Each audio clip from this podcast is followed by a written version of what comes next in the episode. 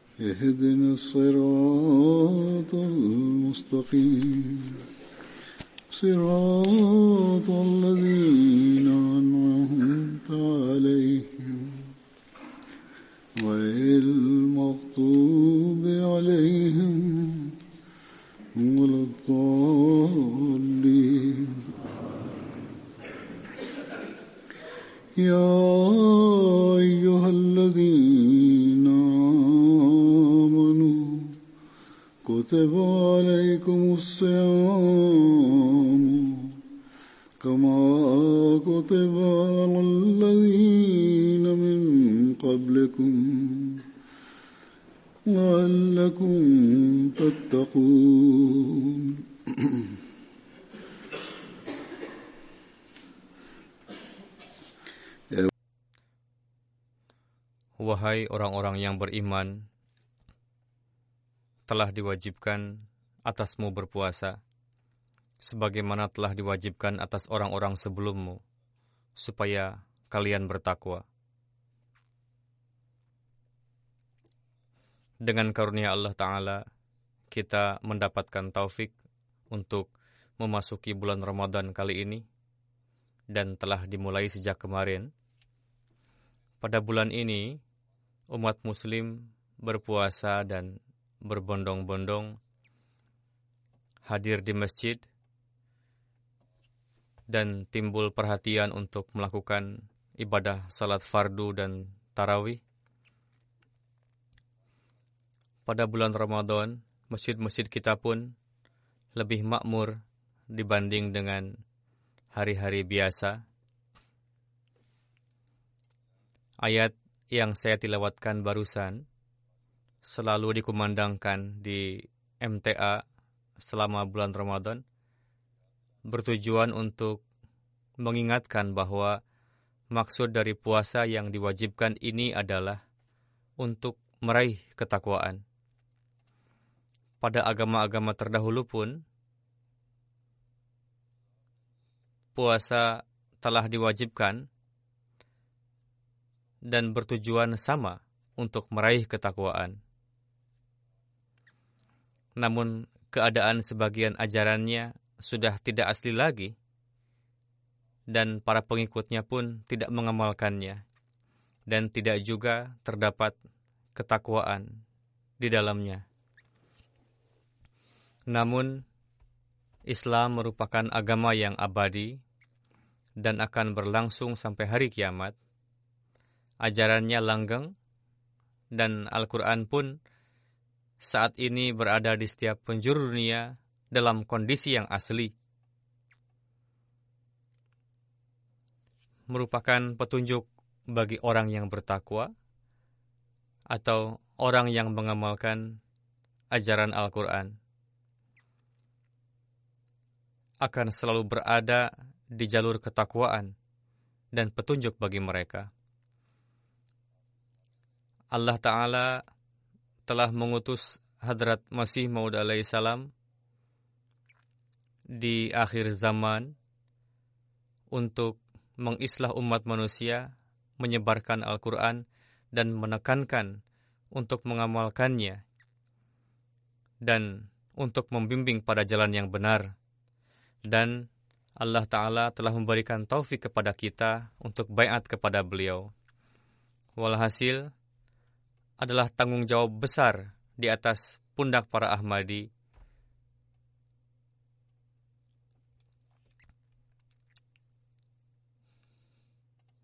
untuk memahami hakikat puasa dan untuk berupaya meraih tujuan Ramadan, yakni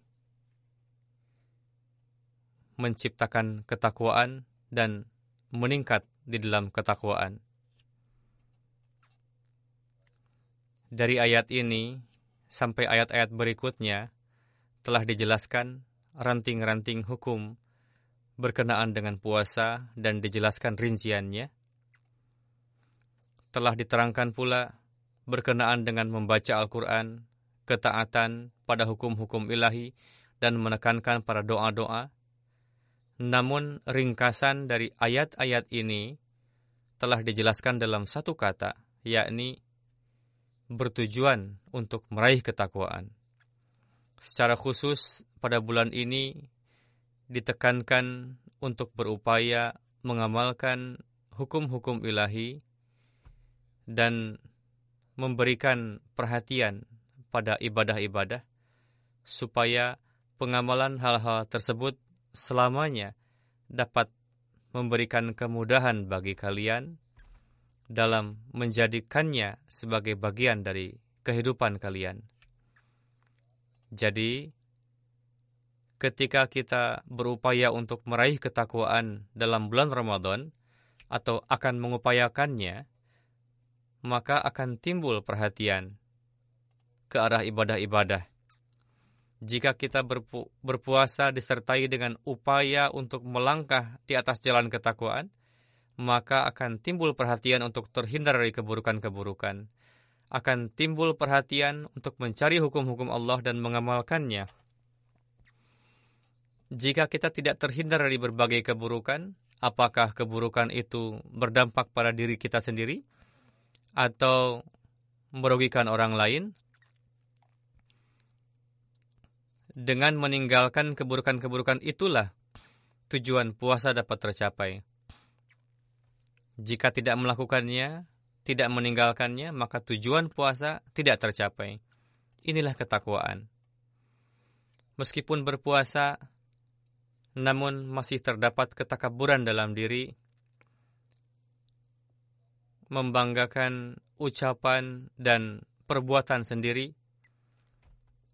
terbiasa bersikap egois, mengharapkan dipuji oleh orang lain, suka meminta bawahan untuk memuji-mujinya secara berlebihan, sangat menyukai jika dipuji atau mengharapkan pujian,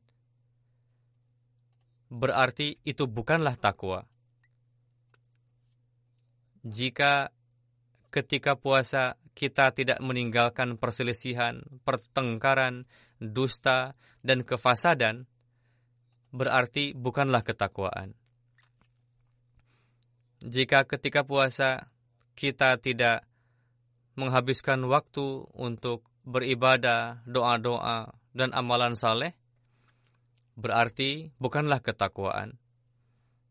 Dan tujuan puasa tidaklah tercapai.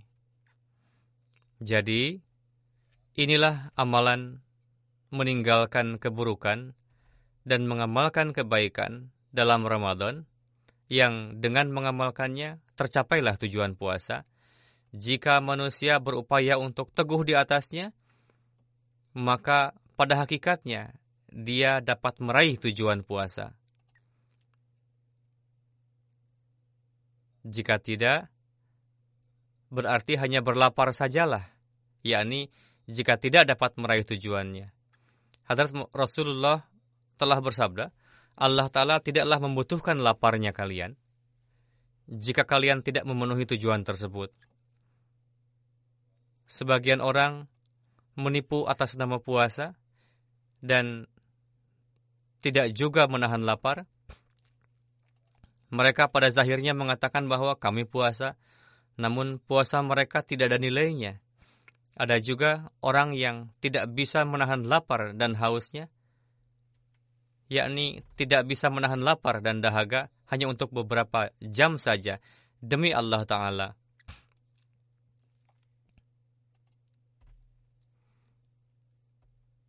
Jika demikian, maka dalam urusan-urusan lainnya pun, bagaimana dia dapat mengontrol diri? Kemarin diterbitkan dalam surat kabar satu pandangan berkenaan dengan puasa umat muslim dan dia mengambil kesimpulan bahwa mayoritas para pemuda di sini melakukan puasa hanya untuk pamer semata, dan mereka tidak mengetahui sedikit pun apa tujuan puasa. Seorang Kristen atau ateis atau non-Muslim menginterview seorang pemuda Muslim. Pemuda Muslim tadi mengatakan bahwa memang saya telah makan sahur dan berpuasa dengan keluarga saya pengaturan sahur dan buka puasa dilakukan dengan baik di rumah kami. Ibu saya, meskipun sudah berusia 64 tahun, berpenyakit gula, mungkin tetap berpuasa, dan meskipun begitu, beliau selalu menyiapkan beragam makanan bagi kami untuk sahur dan buka puasa. Dan kami akan buka puasa nanti. Pemuda tersebut mengatakan bahwa namun hakikatnya disebabkan oleh tekanan lingkungan atau untuk menunjukkan kepada keluarga bahwa saya berpuasa dan pagi tadi saya pun makan sahur namun pada siang tadi saya baru saja memakan fish and chips yakni ikan dan kentang goreng lalu mengatakan bahwa di sini di Inggris ribuan pemuda muslim yang melakukan puasa seperti ini. Seperti itulah hakikat puasa sebagian orang. Dan jika sebagiannya lagi menahan lapar seharian, namun mereka tidak menaruh perhatian pada yang seharusnya dilakukan, yakni ibadah dan salat. Mereka salat satu dua kali saja, lalu merasa cukup, tidak menaruh perhatian pada perintah dan larangan Allah Ta'ala, puasa yang demikian berarti tidak dapat mencapai tujuan seperti yang Allah Ta'ala firmankan, yakni menempuh ketakwaan. Walhasil, merupakan tanggung jawab besar bagi kita para Ahmadi, yakni setelah beriman kepada Hadrat Masih Maud salam, berusahalah untuk melaksanakan kewajiban puasa seperti yang Allah Ta'ala perintahkan untuk melaksanakannya. Berusahalah untuk memahami apa itu ketakwaan dan bagaimana kita dapat meraihnya. Dalam berbagai kesempatan, Hadrat Masih Maud salam telah memberitahukan kepada kita perihal ketakwaan, yakni siapakah muttaki. Sebenarnya ketenangan hakiki ditimbulkan oleh ketakwaan, bukannya dalam kelezatan duniawi. Bagaimana kita seharusnya mengamalkan kebaikan manusia siogianya melakukan segala perbuatan sesuai dengan kehendak ilahi dan untuk meraih kerdaannya. Dan inilah perkara yang membedakan antara seorang mukmin dan kafir. Beliau alaihi salam juga memberitahukan kepada kita supaya manusia meningkat dalam makrifat ilahi, yakni pengenalan kepada Allah Ta'ala. Setiap hari yang datang harus membawa kita terus maju dalam ma'rifat ilahi. Janganlah terus stagnan, terhenti pada satu tempat, atau seperti halnya mereka yang berpuasa untuk tujuan pamer karena tekanan lingkungan, seperti yang saya contohkan tadi. Tujuannya bukan untuk peningkatan ketakwaan. Saat ini saya akan sampaikan berbagai kutipan sabda Hadrat Masih Maud salam berkenaan dengan ketakwaan. Dalam menasihatkan jika kita untuk melangkah di atas jalan takwa untuk dapat meraih keridaan ilahi, Hadrat Masih Maud salam menjelaskan satu ilham yang beliau terima dan juga perihal ketakwaan merupakan ringkasan dari segenap kitab-kitab suci terdahulu. Beliau alaihissalam bersabda, kemarin, yakni beliau tengah menjelaskan perihal jasa 22 Juni tahun 99 telah turun ilham dari Allah Ta'ala berkali-kali yang menyatakan supaya kalian jadilah muttaqi, orang yang bertakwa, dan tempuhlah ketakwaan sampai yang sehalus-halusnya, maka Allah akan menyertaimu. Bersabda, mendengar hal itu timbul rasa perih dalam hatiku. Apa yang harus aku lakukan supaya jemaatku menempuh ketakwaan dan kesucian yang sejati? Begitu banyaknya doa yang kupanjatkan sehingga membuatku lemas dan terkadang membuatku pingsan. Sebelum ada jemaat yang bertakwa dalam pandangan Allah, tidak mungkin Allah Ta'ala akan menyertainya. Takwa merupakan ringkasan dari segenap kitab-kitab suci, yakni ajaran Taurat dan Injil. Quran Karim telah menyatakan kehendak Allah Ta'ala yang agung dan segenap keridaannya, yakni pada kata takwa.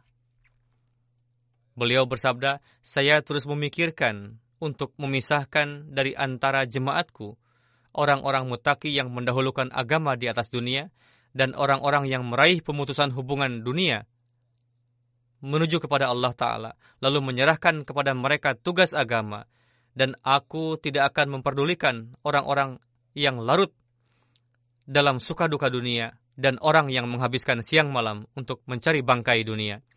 Inilah rintihan hati beliau, yakni bagaimana supaya setiap anggota jemaat bertakwa, bukannya menjadi orang yang setiap saat larut dalam kesedihan dunia.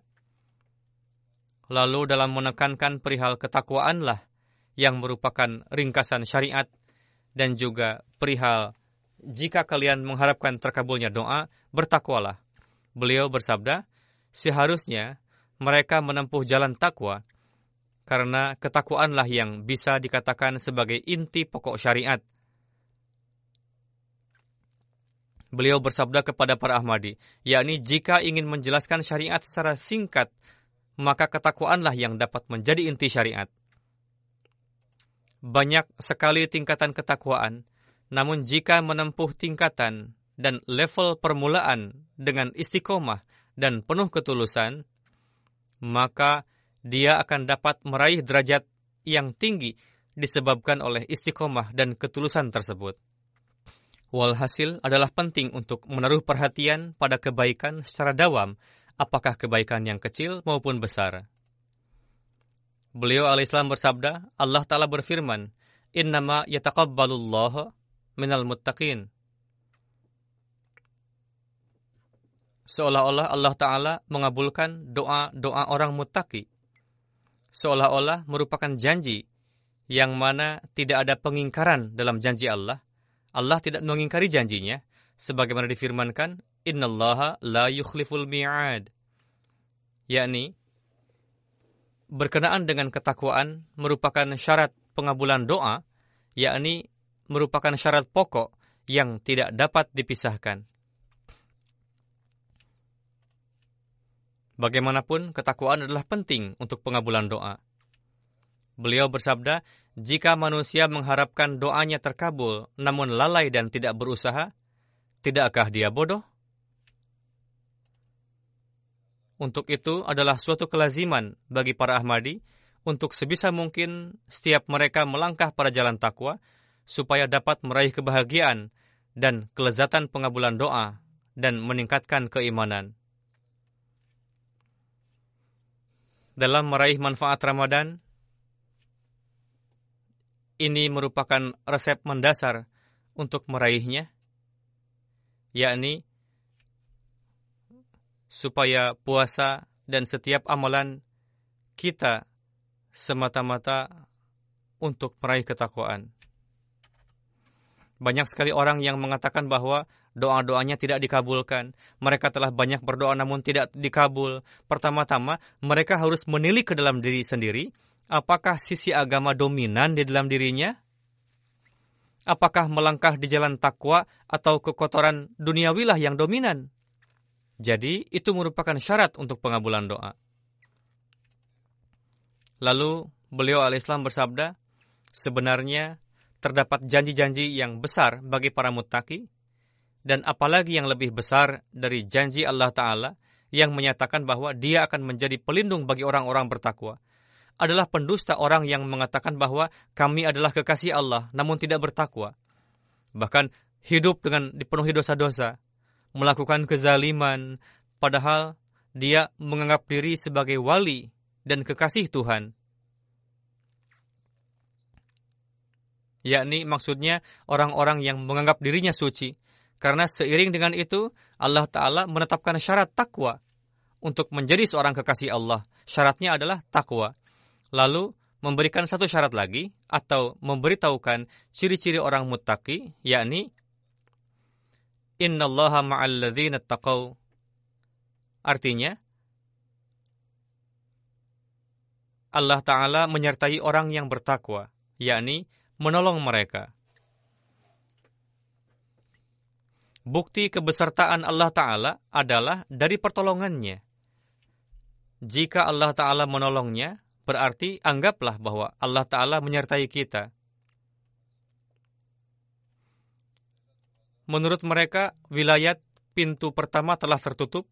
Dengan demikian, secara otomatis kebesertaan dan pertolongan ilahi pun tertutup. Ingatlah bahwa terdapat janji bahwa Allah Ta'ala akan berbicara. Mereka berkeyakinan bahwa firman Tuhan telah berakhir atau pintu wahyu telah tertutup. Bahkan sekarang mereka pun ingin menutup pintu pertolongan Allah Ta'ala. Beliau al-Islam bersabda, ingatlah bahwa pertolongan Allah Ta'ala tidak akan pernah bisa diraih oleh orang-orang yang tidak suci dan fasik.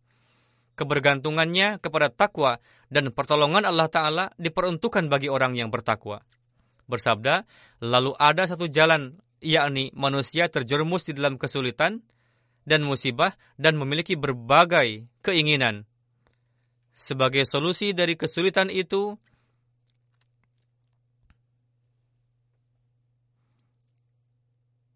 dan untuk memenuhi keinginan tersebut telah ditetapkan prinsip ketakwaan.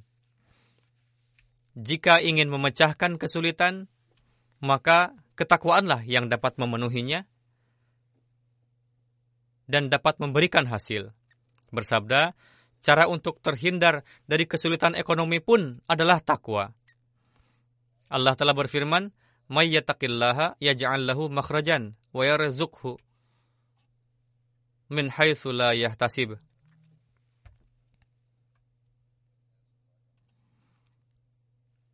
Yakni, bagi seorang mutaki, Tuhan menciptakan solusi dalam setiap kesulitan.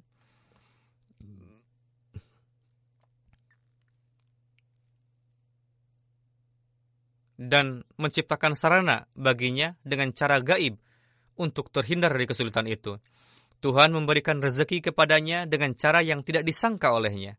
Jadi, perbanyaklah dan hafalkanlah doa berikut, Mayyattaqillaha yaj'al lahu makhrajan wa yarzuquhu min haitsu yahtasib.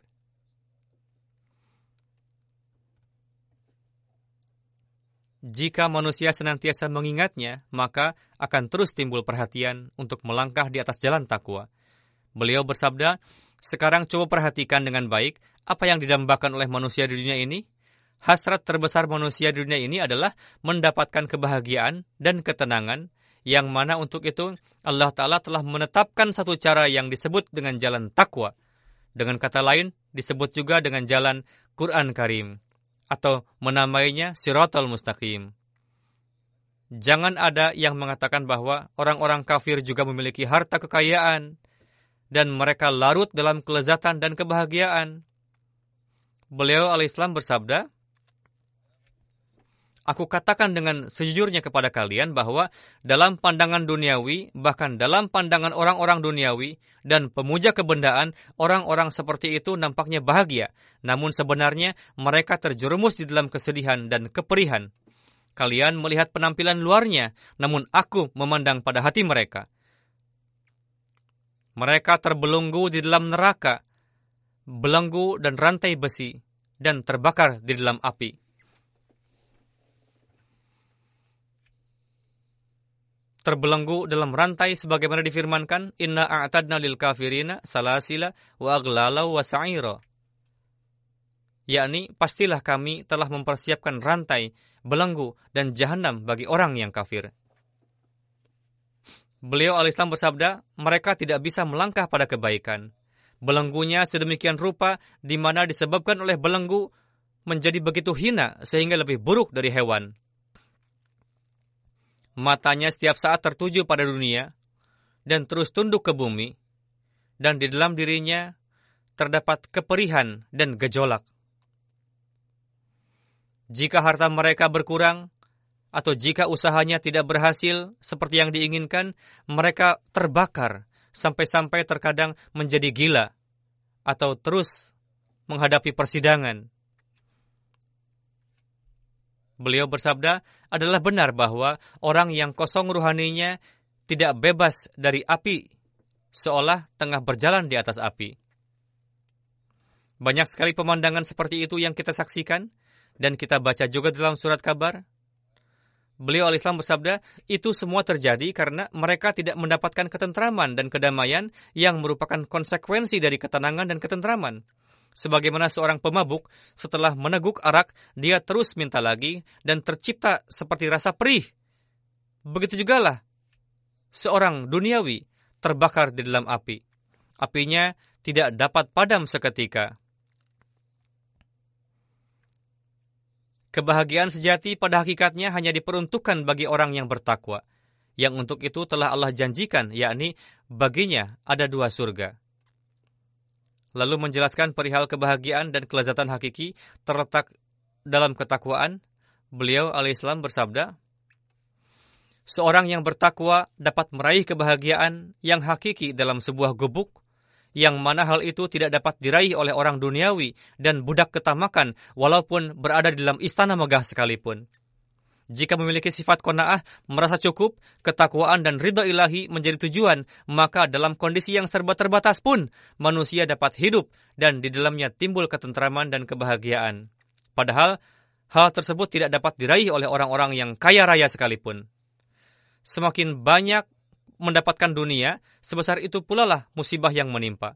Ingatlah bahwa ketenangan dan kebahagiaan hakiki tidaklah didapatkan oleh orang-orang duniawi. Janganlah beranggapan bahwa bergelimang harta, pakaian yang mewah, dan makanan yang lezat dapat memberikan kebahagiaan. Sama sekali tidak. Melainkan bergantung pada ketakwaan. Ketika diketahui dari semua itu bahwa tanpa ketakwaan se sejati tidak ada ketenangan dan kebahagiaan yang dapat diraih, maka hendaknya diketahui bahwa ketakwaan memiliki banyak sekali cabangnya yang melebar menyerupai jaring laba-laba. Jaring-jaringnya sangat halus. Ketakwaan adalah berkaitan dengan segenap perhiasan manusia, yakni segenap anggota tubuh, akidah, lidah, akhlak, dan lain-lain. Dalam keyakinan pun harus ada ketakwaan pada lidah, pada akhlak, yakni akhlak umum pun harus terdapat ketakwaan. Berkenaan dengan puasa, terdapat satu hadis hadrat Rasulullah bersabda, Sucikanlah senantiasa mulut kalian. Jika ada yang menentang menantang berkelahi, seorang yang berpuasa seharusnya mengatakan bahwa saya sedang puasa aku tidak dapat menerima tantanganmu. Bersabda, urusan yang paling rentan sekalipun bermula dari mulut. Terkadang seseorang mengatakan sesuatu setelah mengesampingkan ketakwaan, setelah itu merasa senang bahwa saya telah mengatakan ini pada si A, padahal perkataannya buruk. Saya teringat satu kisah. Dikisahkan ada orang suci yang diundang makan oleh seorang hamba dunia. kisah ini perlu diperhatikan sampai ke kedalaman, bukan hanya cacian kasarnya atau berselisih atau berkelahi, melainkan ada juga rasa egois dan pamer. Kesalahan yang ditimbulkan oleh mulut dan dosa yang disebabkan oleh mulut atau berkurangnya ketakwaan disebabkan oleh mulut termasuk juga di dalamnya. Disabdakan bahwa ada orang suci yang diundang makan oleh seorang hamba dunia, ketika orang suci tersebut akan mulai makan, orang duniawi yang sombong itu mengatakan pada pelayannya, Ambillah wadah yang saya bawa dari ibadah haji saya yang pertama. Lalu mengatakan, ambilkan juga wadah yang saya bawa dari ibadah haji saya yang kedua. Lalu mengatakan, ambilkan juga wadah yang saya bawa dari ibadah haji saya yang ketiga. Orang suci tadi mengatakan, kondisimu sangat memprihatinkan. Disebabkan oleh tiga kalimat kamu itu, kamu telah membinasakan ketiga ibadah hajimu itu. Ibadah hajinya hanya untuk pamer, bukannya untuk meraih keredaannya. Sudah terjauh dari ketakwaan. Beliau al-Islam bersabda, Orang suci tadi mengatakan bahwa tujuan kamu melakukan ini adalah untuk memamerkan bahwa kamu telah naik haji sebanyak tiga kali. Untuk itu, Tuhan telah mengajarkan untuk menjaga mulut dan jauhilah ucapan yang tidak bermakna sia-sia, tidak pada tempatnya, dan tidak perlu. Jadi, tidak hanya terdapat perintah kepada mulut untuk menghentikan perbuatan menyakiti orang lain, sifat membanggakan diri, egoisme, pamer pun dapat menjauhkan manusia dari kebaikan, dapat menjauhkan juga dari ketakwaan. Dari sisi ini pun kita hendaknya merenungkannya. Beliau bersabda, coba perhatikan bahwa Allah Ta'ala mengajarkan ia karena abudu. Mungkin saja manusia yakin sepenuhnya pada kemampuannya, lalu terjauh dari Tuhan. Untuk itu, seiring dengan itu, diajarkan juga ia karena stain, yakni janganlah beranggapan bahwa ibadah yang aku lakukan dilakukan karena kekuatan dan kemampuan sendiri, sama sekali tidak, melainkan sebelum turun pertolongan Allah Ta'ala dan sebelum zat yang maha suci itu memberikan taufik dan kekuatan, mustahil dapat melakukannya. Di sana tidak dikatakan iya a'budu wa iya ka asta'in, karena di dalamnya terdapat bau mengutamakan diri yang menzahirkan diri sendiri bahwa akulah yang sedang melakukan amalan ini. Dan ini bertentangan dengan ketakwaan. Bersabda, Ketakwaan menyerap manusia seutuhnya, disebabkan oleh mulut, manusia dapat terjauh dari ketakwaan, yakni ketakwaan diperlukan dalam berbagai urusan. Disebabkan oleh mulut, manusia dapat terjauh dari ketakwaan. Disebabkan oleh mulut, manusia dapat menyombongkan diri. Dan disebabkan oleh mulutlah sifat-sifat Fir'aun bermunculan.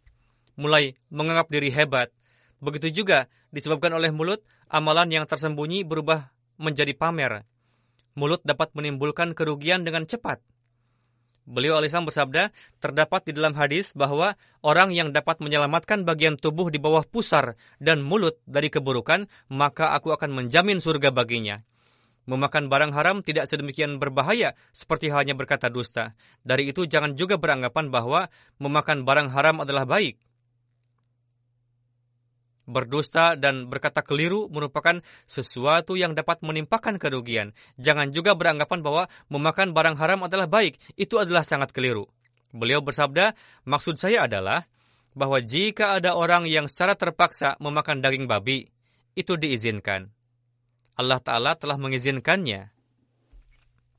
Namun, jika mulut memfatwakan bahwa babi itu halal, berarti dia telah terjauh dari Islam yakni jika memfatwakan bahwa makan babi diperbolehkan, berarti dia telah terkeluar dari Islam dalam berbagai hal.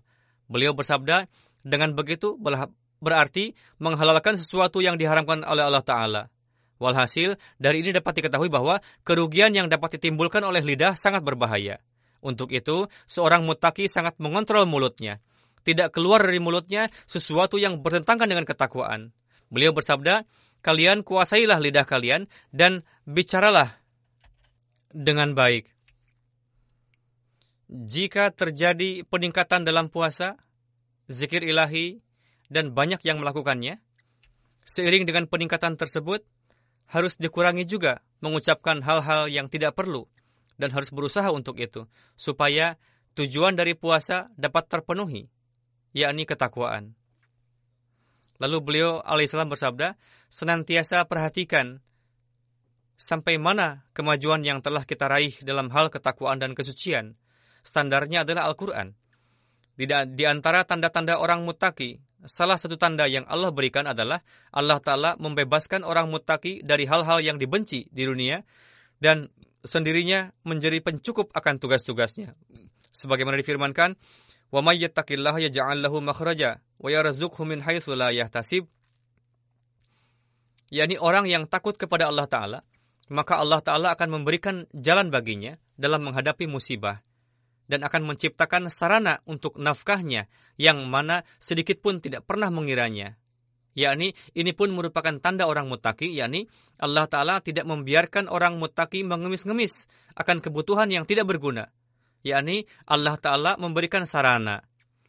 Kebutuhan atau hasrat yang tidak jelas tujuannya tidak muncul di dalam hati mereka atau tidak dibiarkan mengemis-ngemis untuk mendapatkan itu semua dan tidak terfikir untuk itu. Ini pun merupakan ciri ketakwaan dan merupakan tanda perlakuan Allah Ta'ala kepada orang mutaki. Bersabda, misalnya seorang pedagang beranggapan bahwa tanpa menipu, usahanya tidak akan jalan. Untuk itu, dia tidak menghentikan perbuatan menipu dan menzahirkan keterpaksaan untuk berdusta. Namun, perkara ini sama sekali tidak benar. Allah Ta'ala sendirilah yang menjadi pelindung bagi orang mutaki dan dia menyelamatkannya dari peluang yang dapat memaksanya untuk bertentangan dengan kebenaran. yakni peluang seperti itu tidak muncul, yakni peluang untuk berdusta. Ingatlah, ketika seseorang meninggalkan Allah Ta'ala, maka Tuhan pun meninggalkannya. Dan jika yang Maha Rahman telah meninggalkannya, maka pasti setan akan menjalin hubungan dengannya. Lalu beliau bersabda, janganlah beranggapan bahwa Allah Ta'ala lemah. Dia maha kuat. Jika kalian yakin sepenuhnya kepadanya dalam suatu urusan, dia pasti akan menolongmu. Wa may yatawakkal 'ala Allah fahuwa hasbuhu. Barang siapa yang bertawakal kepada Allah Ta'ala, maka Allah akan menjadi pencukup baginya. Namun, orang-orang yang menjadi lawan bicara pertama dari ayat-ayat ini, mereka adalah para ruhaniawan, segenap pikirannya hanya untuk urusan agama semata, dan urusan dunianya mereka serahkan kepada Tuhan. Untuk itu, Allah Ta'ala memberikan ketentraman kepada mereka bahwa aku beserta kalian. Walhasil, di antara segala keberkatan takwa, salah satunya adalah bahwa Allah Ta'ala membebaskan orang-orang mutaki dari musibah-musibah yang dapat mengganggu urusan agama. Yakni, jika ketakwaan benar, maka permasalahan dunia akan dijauhkan oleh Allah Ta'ala supaya tidak menjadi hambatan dalam urusan agama. Dari sisi ini, di mana orang-orang yang mengatakan bahwa urusan duniawi kami menjadi penyebab kami tidak dapat ambil bagian dalam urusan agama. Jika ketakwaannya benar, maka Allah Ta'ala dengan sendirinya akan menyelesaikan urusan duniawinya sehingga mendapatkan taufik untuk mengkhidmati agama. Dalam menjelaskan perihal kebaikan, terdiri dari dua bagian, Hadrat Masih Maud salam bersabda, dan bagaimana perlakuan Allah Ta'ala kepada orang-orang yang berbuat kebajikan, Sekian banyak kebaikan yang dilakukan manusia terdiri dari dua bagian, yakni pertama kewajiban dan kedua nafal. Pertama adalah fardu yang mana harus kalian lakukan. Yang kedua nafal. Fardu adalah sesuatu yang diwajibkan bagi manusia seperti melunasi hutang. Jika berhutang kepada orang lain, wajib untuk melunasinya. Atau membalas kebaikan dengan kebaikan lagi, itu pun wajib. Jika ada yang berbuat baik, maka balaslah dengan kebaikan lagi, bayarlah haknya. Bukanlah kebaikan dari antara kewajiban itu dan tidak hanya ihsan, yakni si A telah berbuat baik, maka aku pun berbuat baik padanya. Jika seseorang berbuat baik dan sebagai balasannya kamu pun berbuat baik padanya, ini adalah kewajibanmu dan merupakan hak orang lain. Bersabda, selain fardu-fardu ini, setiap kebaikan disertai oleh nafal-nafalnya, yakni kebaikan yang lebih dari haknya atau kebaikan tambahan yakni selain melakukan ihsan sebagai balasan dari ihsan ditambah dengan ihsan yang lainnya. Jika seseorang berbuat ihsan lalu membalasnya dengan kebaikan juga menjadi satu kebaikan yang sama. Namun, melakukan ihsan yang lain lebih dari itu, ini melebihi dari hak-hak nafalnya. Bersabda, hal tersebut merupakan nafal. Ini sebagian ini sebagai kewajiban yang lengkap dan utuh. Kewajiban darinya telah lengkap dan telah sampai pada puncaknya. Ketika seorang manusia melakukan kebaikan yang lebih, bersabda, diriwayatkan dalam hadis bahwa para waliullah melengkapi kewajibannya dengan nafal-nafal. Misalnya, selain membayar zakat, mereka memberikan sedekah-sedekah. Allah Ta'ala menjadi pelindung orang-orang seperti itu. Allah Ta'ala berfirman, persahabatannya sedemikian rupa. Aku menjadi tangan, kaki, sampai-sampai menjadi lidahnya yang dia gunakan untuk berbicara. Beliau bersabda, ketika manusia bersih dari gejolak nafsu, lalu meninggalkan hasrat duniawi dan melangkah kepada kehendak ilahi, maka tidak akan ada lagi perbuatannya yang tidak jaiz bahkan segala perbuatannya sesuai dengan kehendak ilahi. Musibah bermula ketika amalan kita bertentangan dengan kehendaknya. Keridaannya bertentangan dengannya. Orang seperti itu melangkah mengikuti hawa nafsunya. Misalnya, ketika emosi melakukan suatu perbuatan yang dapat menimbulkan pelanggaran, berbuat kriminal. Namun jika seseorang beriradah untuk tidak akan melakukan amalan apa-apa tanpa mengetahui apa pendapat kitabullah mengenai hal itu, dan jika dalam setiap perkara selalu merujuk kepada kitabullah, maka sudah barang tentu kitabullah akan memberikan pendapatnya mengenai hal itu. Sebagaimana difirmankan, wala ratbin, wala yabisin, illa fi kitabim mubin.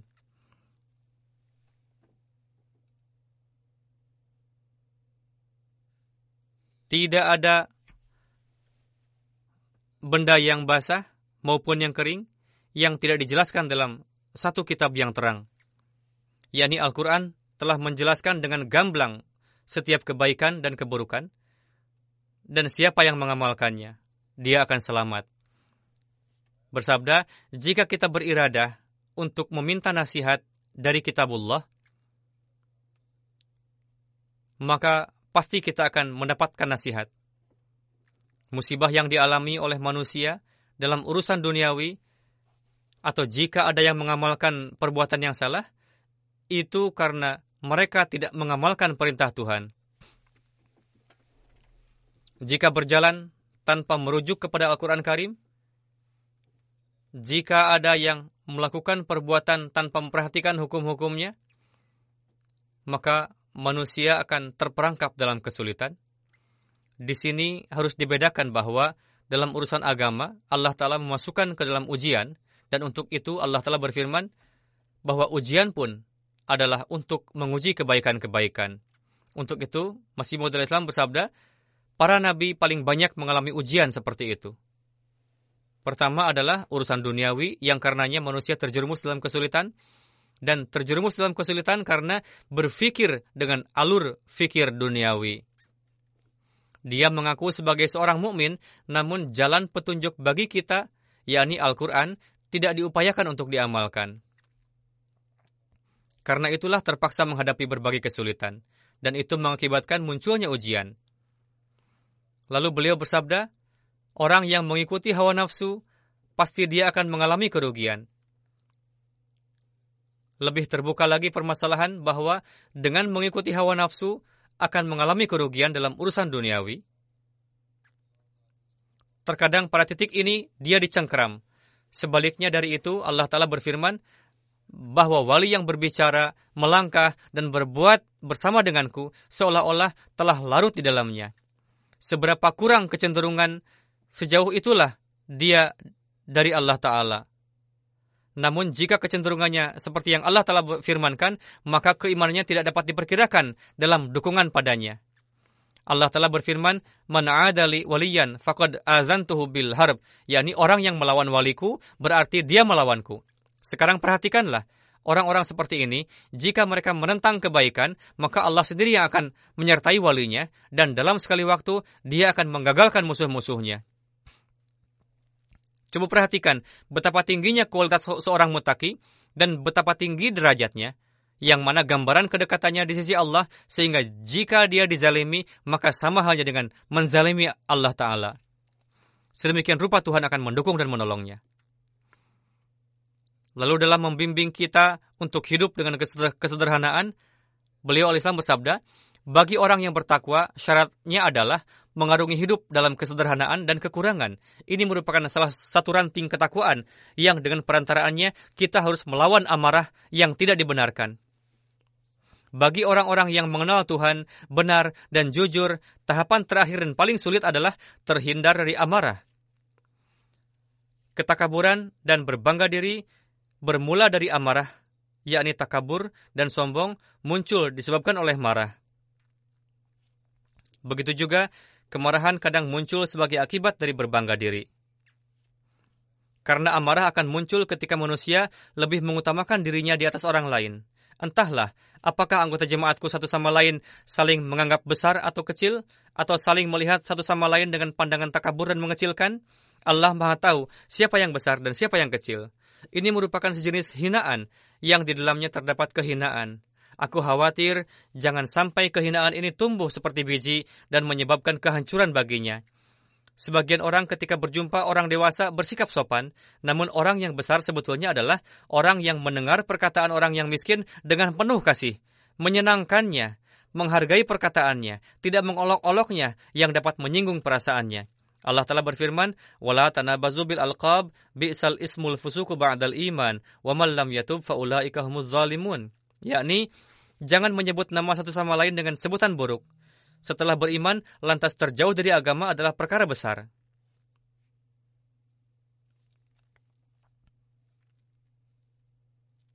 Orang yang tidak bertobat dan terus menyebut-nyebut sebutan buruk, maka mereka lah orang yang zalim di antara orang-orang. Beliau bersabda, kalian jangan memanggil dengan sebutan buruk atau satu sama lain. Ini adalah perbuatan orang pendosa dan orang fasik. Orang yang mengganggu orang lain, dia tidak akan mati sebelum dia terjerumus seperti itu. Janganlah menganggap saudara kalian rendah. Ketika kalian minum dari satu sumber mata air yang sama, maka siapa yang tahu bahwa dia mendapatkan air yang lebih banyak? Kehormatan seseorang tidaklah bisa dilandaskan pada prinsip duniawi. Menurut Allah Ta'ala, yang mulia adalah yang bertakwa. Inna akramakum indallahi atqakum, innallaha alimun khabir. yakni yang lebih mulia dalam pandangan Tuhan adalah orang yang bertakwa. Sesungguhnya Allah Ta'ala maha mengetahui dan maha mengenal. Allah Ta'ala mengetahui segala hakikat, segala sesuatu, ketakwaan yang sifatnya pamer ataukah yang hakiki. Untuk itu ketika Allah Ta'ala maha mengetahui, maka kita dengan rasa takut dan mengevaluasi diri, hendaknya berusaha untuk meraih ketakwaan yang hakiki yang telah Allah Ta'ala perintahkan untuk menempuhnya dalam menjelaskan perihal ketika mukmin dan bertakwa mendapatkan kesuksesan, bagaimana penzahirannya. Begitu juga bagaimana reaksi orang kafir ketika mendapatkan kesuksesan. Beliau bersabda, hendaknya perhatikanlah prinsip bahwa ketika seorang mukmin dianugerahi kesuksesan, dia menjadi malu-malu, memuji Allah Ta'ala, yakni dia menisbahkan keberhasilan itu kepada Allah Ta'ala. Dia memuji Allah Ta'ala dalam segala hal, mengatakan bahwa Tuhan telah menurunkan karunia-Nya, lalu mengatakan bahwa lalu melangkah maju dan keimanannya tetap teguh dalam menghadapi berbagai ujian. Meskipun pada zahirnya kesuksesan orang muslim dan Hindu memiliki corak yang sama, namun ingatlah bahwa kesuksesan orang kafir adalah jalan yang sesat, sedangkan dengan kesuksesan orang mukmin pintu nikmat menjadi terbuka baginya. Keberhasilan orang kafir membawa kepada kesesatan karena dia tidak kembali kepada Allah Ta'ala, bahkan menjadikan kerja keras dan kemampuannya sebagai Tuhan. Namun seorang mukmin kembali kepada Allah Ta'ala, lalu menciptakan pengenalan baru dengan Allah Ta'ala. Dengan demikian, setelah melewati setiap kesuksesan, dimulailah satu jalinan baru antara dia dengan Allah Ta'ala. Dan di dalam dirinya tercipta revolusi. Inna Allah ma'alladzina taqaw, yakni Allah Ta'ala beserta orang-orang muttaqi. Hendaknya diingat bahwa kata takwa disebutkan banyak sekali dalam Al-Quran, dimaknai dengan kata sebelumnya. Di sini terdapat kata ma'a, beserta, yakni Barang siapa yang menganggap Allah Ta'ala lebih utama, maka Allah Ta'ala akan mengutamakannya dan menyelamatkannya dari berbagai kehinaan dunia. Keyakinanku adalah jika manusia ingin terhindar dari berbagai kehinaan dan kekerasan, ada satu jalan baginya, yakni jadilah muttaqi. Lalu dia tidak akan kekurangan apa pun. Kesuksesan yang didapatkan oleh seorang mukmin akan membawanya terus maju dan tidak terhenti pada satu tempat. Beliau bersabda, dalam kitab-kitab tertulis bahwa keadaan mayoritas orang adalah bahwa pada awalnya hubungan mereka lekat dengan dunia dan terjalin dengan erat, namun mereka memanjatkan doa dan terkabul, dan setelah itu kondisinya berubah.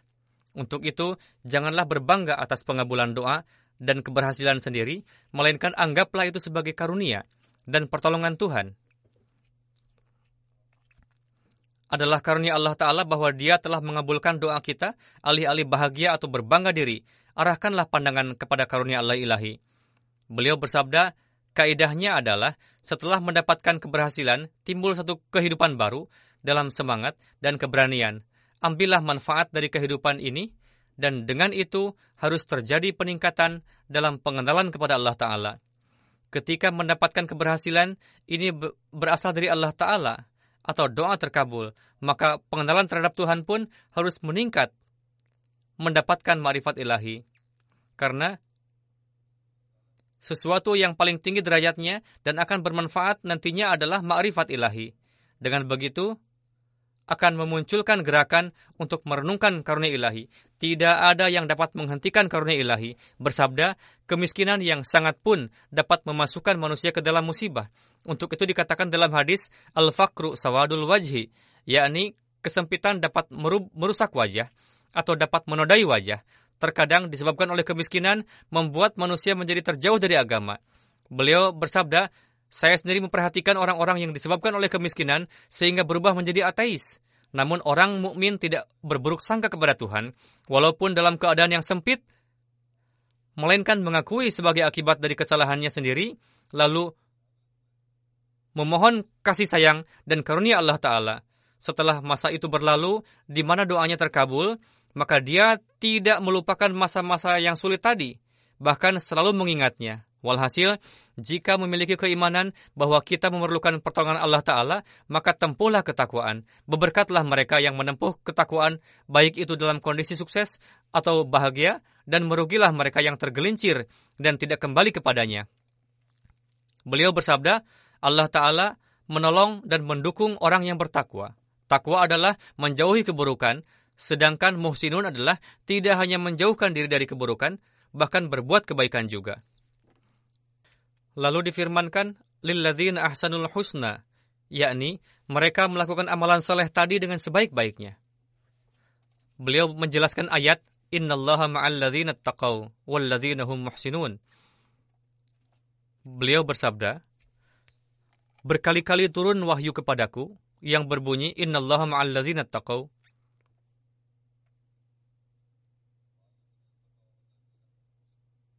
walladzina hum muhsinun. Begitu bertubi-tubi turunnya, sehingga aku tidak dapat menghitung jumlahnya. Mungkin 2000 kali, Allah lebih mengetahui. Maksudnya, supaya jemaat mengetahui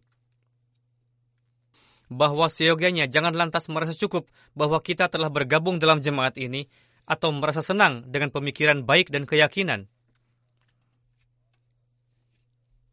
penyertaan dan pertolongan Allah Ta'ala akan diperoleh jika terdapat ketakwaan hakiki dan diiringi dengan kebaikan.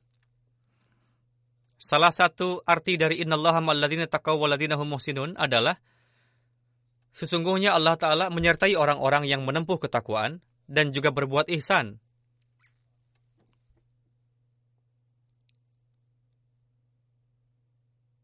Beliau bersabda, penyertaan dan pertolongan Allah Ta'ala akan diperoleh jika terdapat ketakwaan hakiki dan diiringi dengan kebaikan.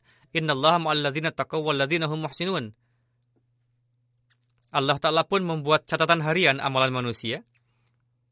Lebih lanjut bersabda, jadi manusia pun hendaknya membuat catatan harian keadaannya sendiri, dan renungkanlah sampai di mana telah melangkah dalam kebaikan. Hari ini dan esoknya seseorang seharusnya tidak sama.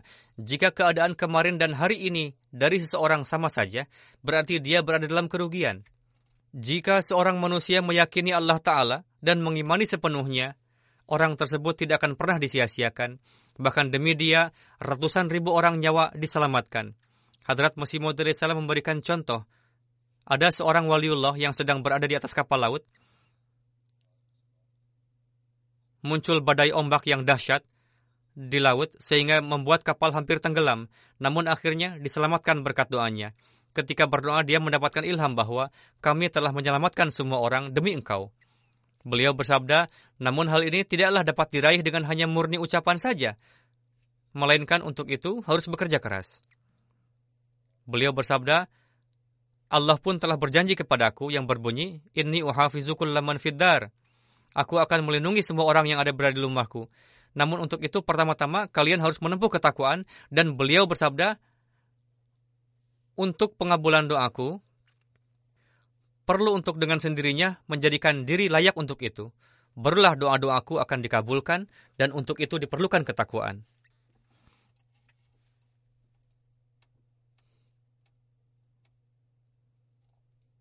Semoga Allah Ta'ala memberikan taufik untuk berpuasa di bulan Ramadan ini dengan ketakwaan, dan taufik untuk beribadah dan melaksanakan hak-hak lainnya. Dan semoga Ramadan ini mencurahkan keberkatan dari berbagai sisi. Doakan secara khusus untuk jemaat, umat muslim, dan dunia. Begitu juga kondisi jemaat Pakistan. Hari demi hari penentangan semakin keras. Semoga Allah Ta'ala mencurahkan karunia-Nya. Semoga kita dapat memenuhi hak-hak ibadah puasa sembari menempuh ketakwaan. Menaruh perhatian terhadap doa-doa. Begitu pula, semoga Allah Ta'ala mengasihi umat muslim dan memberikan akal dan pemahaman kepada para ulama dan penguasa mereka untuk mengimani imam zaman. Begitu juga di dunia pun, setiap hari bermunculan kabar-kabar baru bahwa saat ini akan bergejolak api peperangan dan terkadang dikabarkan akan berakhir, negara-negara tangguh yang nampaknya berderap ke arah peperangan dengan cepatnya, dan sampai saat ini belum nampak gejala-gejala akan berakhirnya peperangan, Untuk itu semoga Allah Ta'ala menyelamatkan umat muslim, khususnya para Ahmadi, dari dampak buruk peperangan dan secara umum bagi segenap umat manusia semoga terhindar dari pengaruh buruknya. Jika sampai saat ini dalam pandangan Allah Ta'ala mereka bisa diperbaiki dan dapat menjadi sarana untuk islah dan dapat mengenal Tuhan, semoga Allah Ta'ala menciptakan kondisi tersebut, yakni mereka mengenali Allah dan terhindar dari kehancuran. Amin.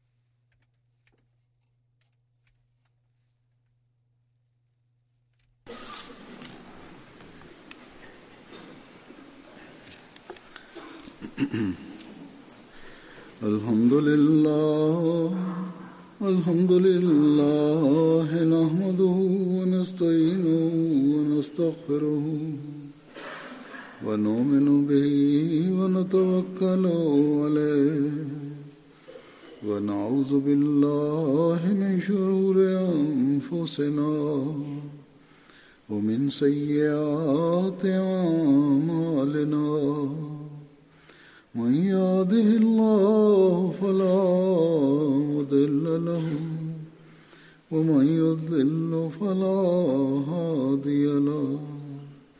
ونشهد أن لا إله إلا الله ونشهد أن محمدا عبده ورسوله. عباد الله رحمكم الله. إن الله يأمر بالعدل واللسان وإيتاء ذي القربى وينهى عن الفحشاء والمنكر والبغي يعظكم لعلكم تذكرون اذكروا الله يذكركم وادعوه يستجب لكم ولذكر الله أكبر